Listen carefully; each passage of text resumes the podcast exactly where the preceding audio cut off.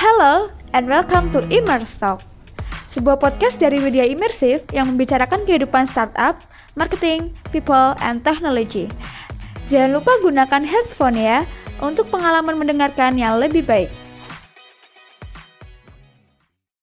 Hello and welcome to Immerse Talk. Gak kerasa nih, udah di episode ketujuh Hapsari dan juga Immerse Talk nemenin Immerse Friend di mana pun kalian berada. Dan di episode kali ini Hapsari nggak sendirian tentunya.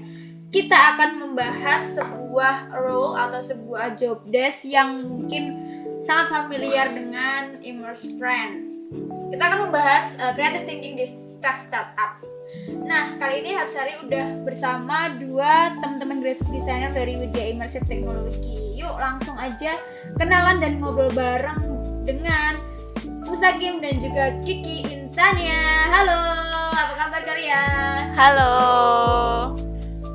Hai Kiki dan juga Kim, kita mungkin langsung aja yang ngebahas. Tadi kan di awal Hapsari udah sempet sounding nih kalau kita bakal ngebahas tentang creative thinking, khususnya di tech startup, di startup teknologi ya. Nah mungkin sebelum sampai ke sana nih, kira-kira dari teman-teman sendiri, apa sih sebenarnya creative thinking itu dan bagaimana proses creative thinking bisa terjadi? Mungkin dari Kiki atau Kim dulu yang mau menjawab oke dari Kiki dulu Oke, jadi creative thinking sendiri itu adalah kalau dibahasakan tuh ya definisinya itu uh, uh, mengkolaborasi gagasan-gagasan yang ada untuk dijadikan menjadi sebuah gagasan yang baru dan bisa menjadikan solusi dari sebuah permasalahan. Intinya itu kayak apa ya? Kreatif itu kan kayak proses kita itu di pikiran imajinasi. Jadi bagaimana me mem memvisualisasikan di sini kan konteksnya itu grafik desain ya. Jadi bagaimana memvisualisasikan imaji imajinasi yang ada di kita menja menjadi sebuah uh, solusi untuk membantu penyampaian sebuah informasi. Oke, itu tentang apa sebenarnya kreatif thinking itu dan gimana sih prosesnya itu bisa terjadi? Oke, kalau prosesnya sih ada beberapa tahapan ya. Yang pertama kita harus punya desain briefnya sendiri Oke. Okay. okay, desain brief. Seperti apa tuh Kim desain briefnya? Oke, desain brief itu seperti uh, apa ya? Sebuah dokumen atau narasi yang didapatkan dari seorang atau klien yang ingin dibuatkan sebuah desain terhadap kita. Nah, untuk desain prosesnya sendiri, yang pertama yaitu research. Okay. Nah, research ini research. kita harus research. Contohnya kalau kita di apa ya dikasih tugas atau sebuah pekerjaan mengenai untuk membuat presentasi nih desain presentasi nah kita harus riset tuh desain presentasi yang cocok untuk corporate untuk individual untuk bisnis apa pun, bisnis apa pun itu, ya? itu nah kemudian setelah research kita bisa nyari mood boardnya atau okay, inspirasi inspirasinya nah okay. kebanyakan seorang graphic designer nyari inspirasi inspirasi desain itu biasa di Pinterest Canva ataupun Google. Oke, jadi Kim udah nyebutin yang pertama tuh riset sama mood board. Terus ada lagi nggak Kim? Nah, ada, ada tuh. Nah, setelah setelah mood board kita nyari mood board, kita harus brainstorming. Hmm. Nah, dari mood board itu kita kita pilih beberapa, kita ambil bagian-bagian yang kita pilih dan kita sketsakan. Nah, kita sketsa sebanyak-banyaknya dari layoutnya, gambarnya seperti apa, teksnya nanti seperti apa. Nah, sketsa dibagi dua sketsa Oke, kasar ya sketsa kasar sama sketsa halus nah sketsa kasar itu isinya sketsa sketsa yang bener-bener masih kasar Oke, masih ngawang ngawang gitu nah ya? masih abstrak gitu nah dari beberapa sketsa kasar itu kita pilih lagi untuk jadikan sketsa halus Oke. nah sketsa halus ini udah mulai ketampak desainnya nanti seperti apa tapi belum terlalu terlihat jelas, cuma sekilas tampak. Nah, dari sketsa halus ini kita jadiin low V atau low fidelity. Nah, dari low fidelity ini kita udah mulai menata layoutingnya, teksnya nanti seperti apa, ukuran gambarnya seberapa kayak gitu. Nah, ketika udah uh, apa namanya? Ketika udah sesuai, baru kita masuk ke high V atau high fidelity. Nah, di high fidelity ini kita udah mulai nerapin gambar-gambarnya, teksnya, terus fontnya menggunakan apa, ukurannya berapa. Nah, kalau di high fidelity ini udah mulai pure ke dalam desainnya gitu sih. Nah itu tadi penjelasan dari Kim ternyata panjang banget ya Kayak proses dari sebuah pemikiran untuk bisa jadi sebuah seni atau desain apa pun itu entah graphic design atau yang lain itu ternyata ternyata melewati beberapa proses yang lumayan panjang di awal dari riset sampai yang uh, hi-fi tadi ya. Nah uh, dari proses yang panjang tadi nih Kim, kira-kira tools atau kemampuan khusus seorang graphic designer tuh gimana sih khususnya di startup kita ya di media image teknologi gimana tuh Kim? Oke, sebenarnya untuk seorang graphic designer tools itu nggak berpengaruh banyak sih. Nah, tools itu tools itu sendiri itu tergantung dari seorang orang desainernya desainernya itu sendiri. Dia nyamannya pakai apa, entah itu Illustrator, Corel, ataupun Photoshop. Nah, yang paling ditekanin di sini adalah kemampuan khususnya nih. Nah, kemampuan khusus apa?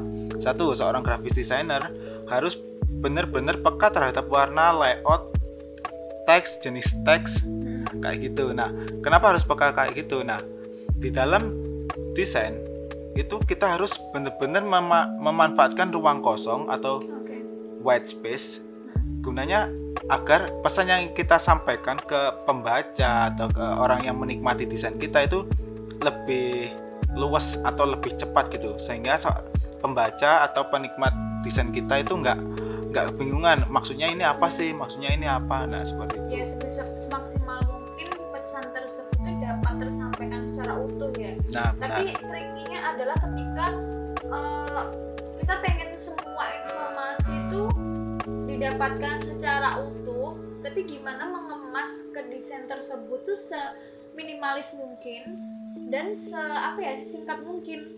Benar sekali. itu yang, yang mungkin menjadi tricky ya. Iya benar sekali. Nah karena hal itu seorang desain grafis harus benar-benar peka terhadap uh, yaitu analisa terus okay. usernya seperti apa. Nah seorang desain grafis harus punya pemikiran seperti ini.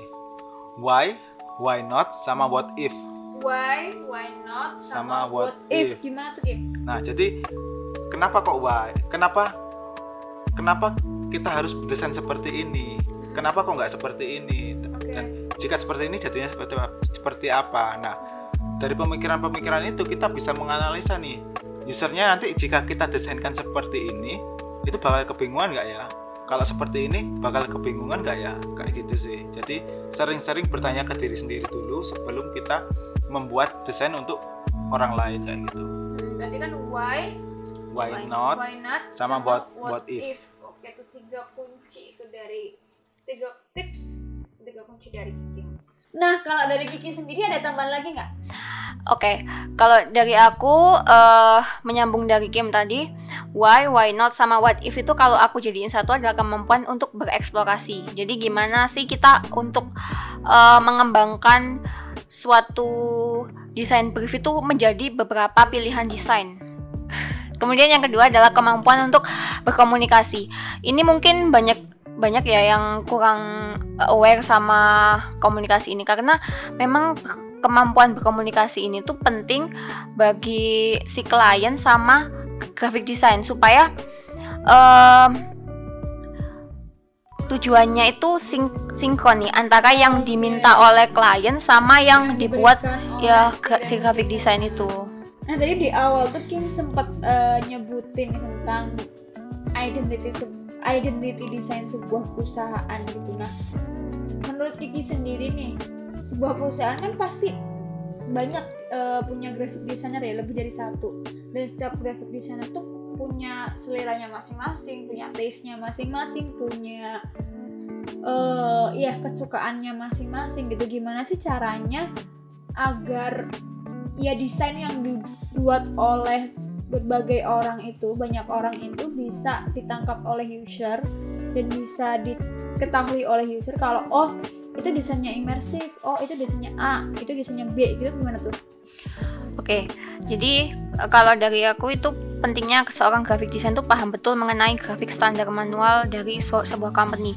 Jadi gimana layout layoutnya, fontnya, terus uh, eh, DNA color dari satu company itu, hmm. Itu benar-benar harus paham seorang graphic designer untuk membuat um, sebuah marketing sebuah kit marketing gitu ya? kit ya Oke. untuk sebuah untuk perusahaan. Nah, kalau dari kalian berdua nih, kalian kan eh, dua orang yang berbeda, tentunya punya karakteristik karakteristik masing-masing nih di desain kalian. Sementara mau nggak mau, kalian juga harus tetap mengikuti dengan brief yang ada, dengan GSM yang ada. Nah, eh, terlepas dari itu semua, sebenarnya kalau dari Kiki sendiri karakteristiknya itu seperti apa dan Kim itu seperti apa?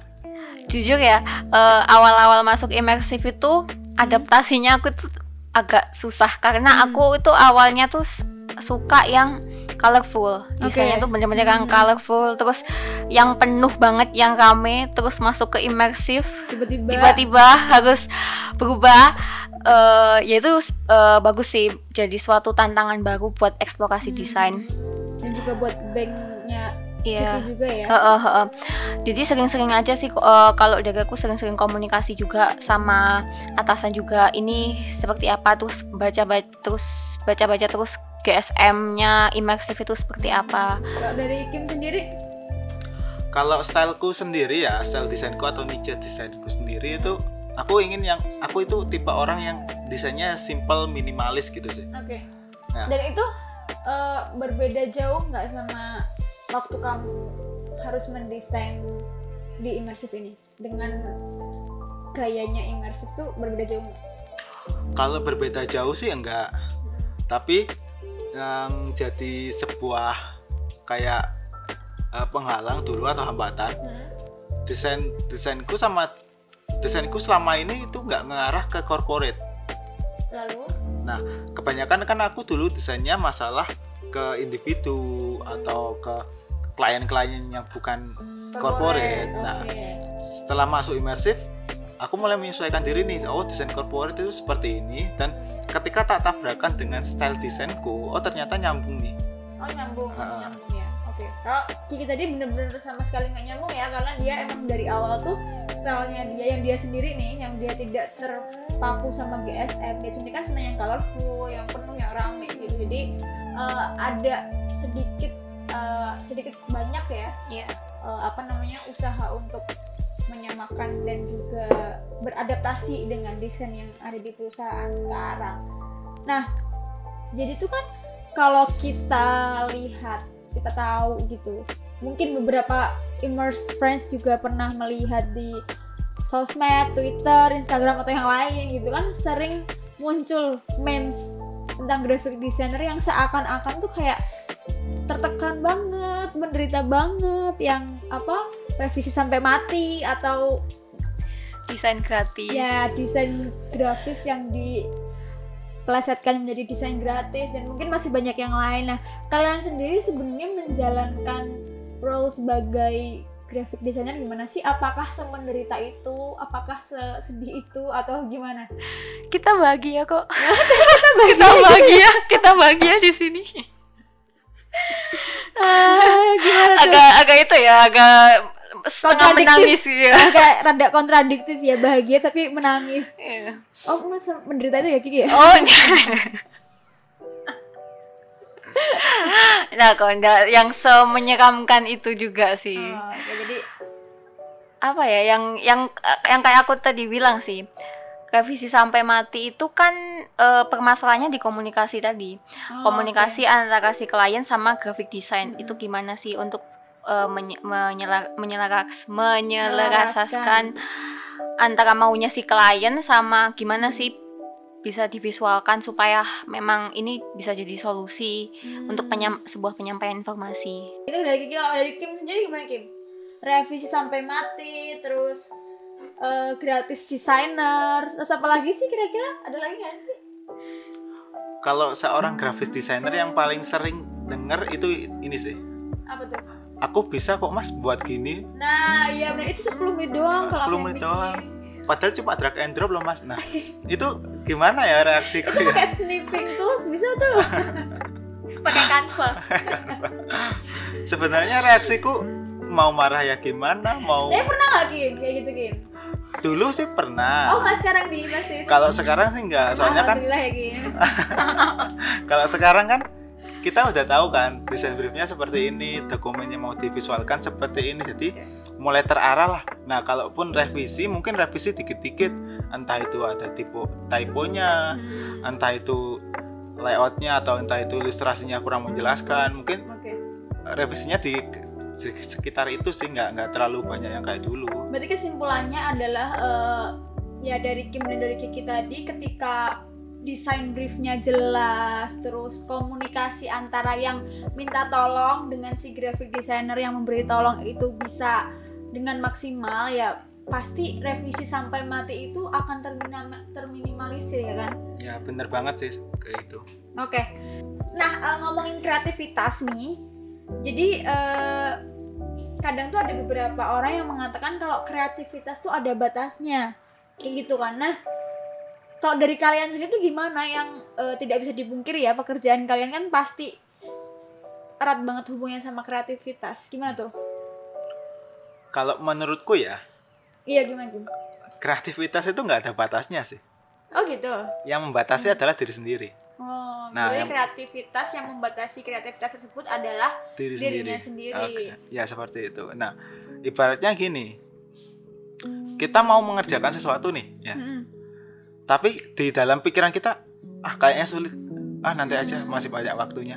Ah, sulit banget nih mau dikerjain. Nah, itu yang sebenarnya membatasi kreativitas kita sendiri. Oke, berarti Jadi- kalau menurut Kim itu kreativitas tuh nggak ada batasnya, tapi dirinya sendiri yang membatasi itu. Ya benar sekali kayak gitu. Gitu. Kalau dari Kiki? sama sih kreativitas itu bener-bener yang nggak ada batasnya even di apa ya kalau misalnya kita stuck itu ya udah kalau dari aku sih cari aja eh, referensi di sekit di sekeliling kita itu banyak sekali Oh, banget. di, di sekeliling kita itu banyak sekali elemen-elemen desain. Contoh aja, botol shampoo ketika kita mandi. Itu tuh bisa dari sebuah botol shampoo itu kita bisa membuat suatu karya loh. Jadi kreativitas tuh bener-bener gak ada batasnya. Jadi nggak ada ini sih, nggak ada ruang buat sampai yang apa ya? Sampai bener-bener mentok banget mentok, gitu. nggak tahu mau Nggak gimana ada, lagi gitu. iya. Karena setiap elemen yang ada di sekitar Iya. itu pasti membantu gitu ya. Betul. Makasih banget Kiki dan juga Kim telah meluangkan waktunya yang di tengah-tengah revisi ya mungkin ya untuk menyapa teman-teman Immerse Friends. Dan buat teman-teman jangan lupa untuk selalu mendengarkan Immerse Talk di episode-episode selanjutnya karena kita akan selalu membahas topik-topik yang berkaitan dengan startup, teknologi, dan yang lain-lain. Oke, sampai bertemu lagi di Immerse Talk episode selanjutnya. Bye-bye.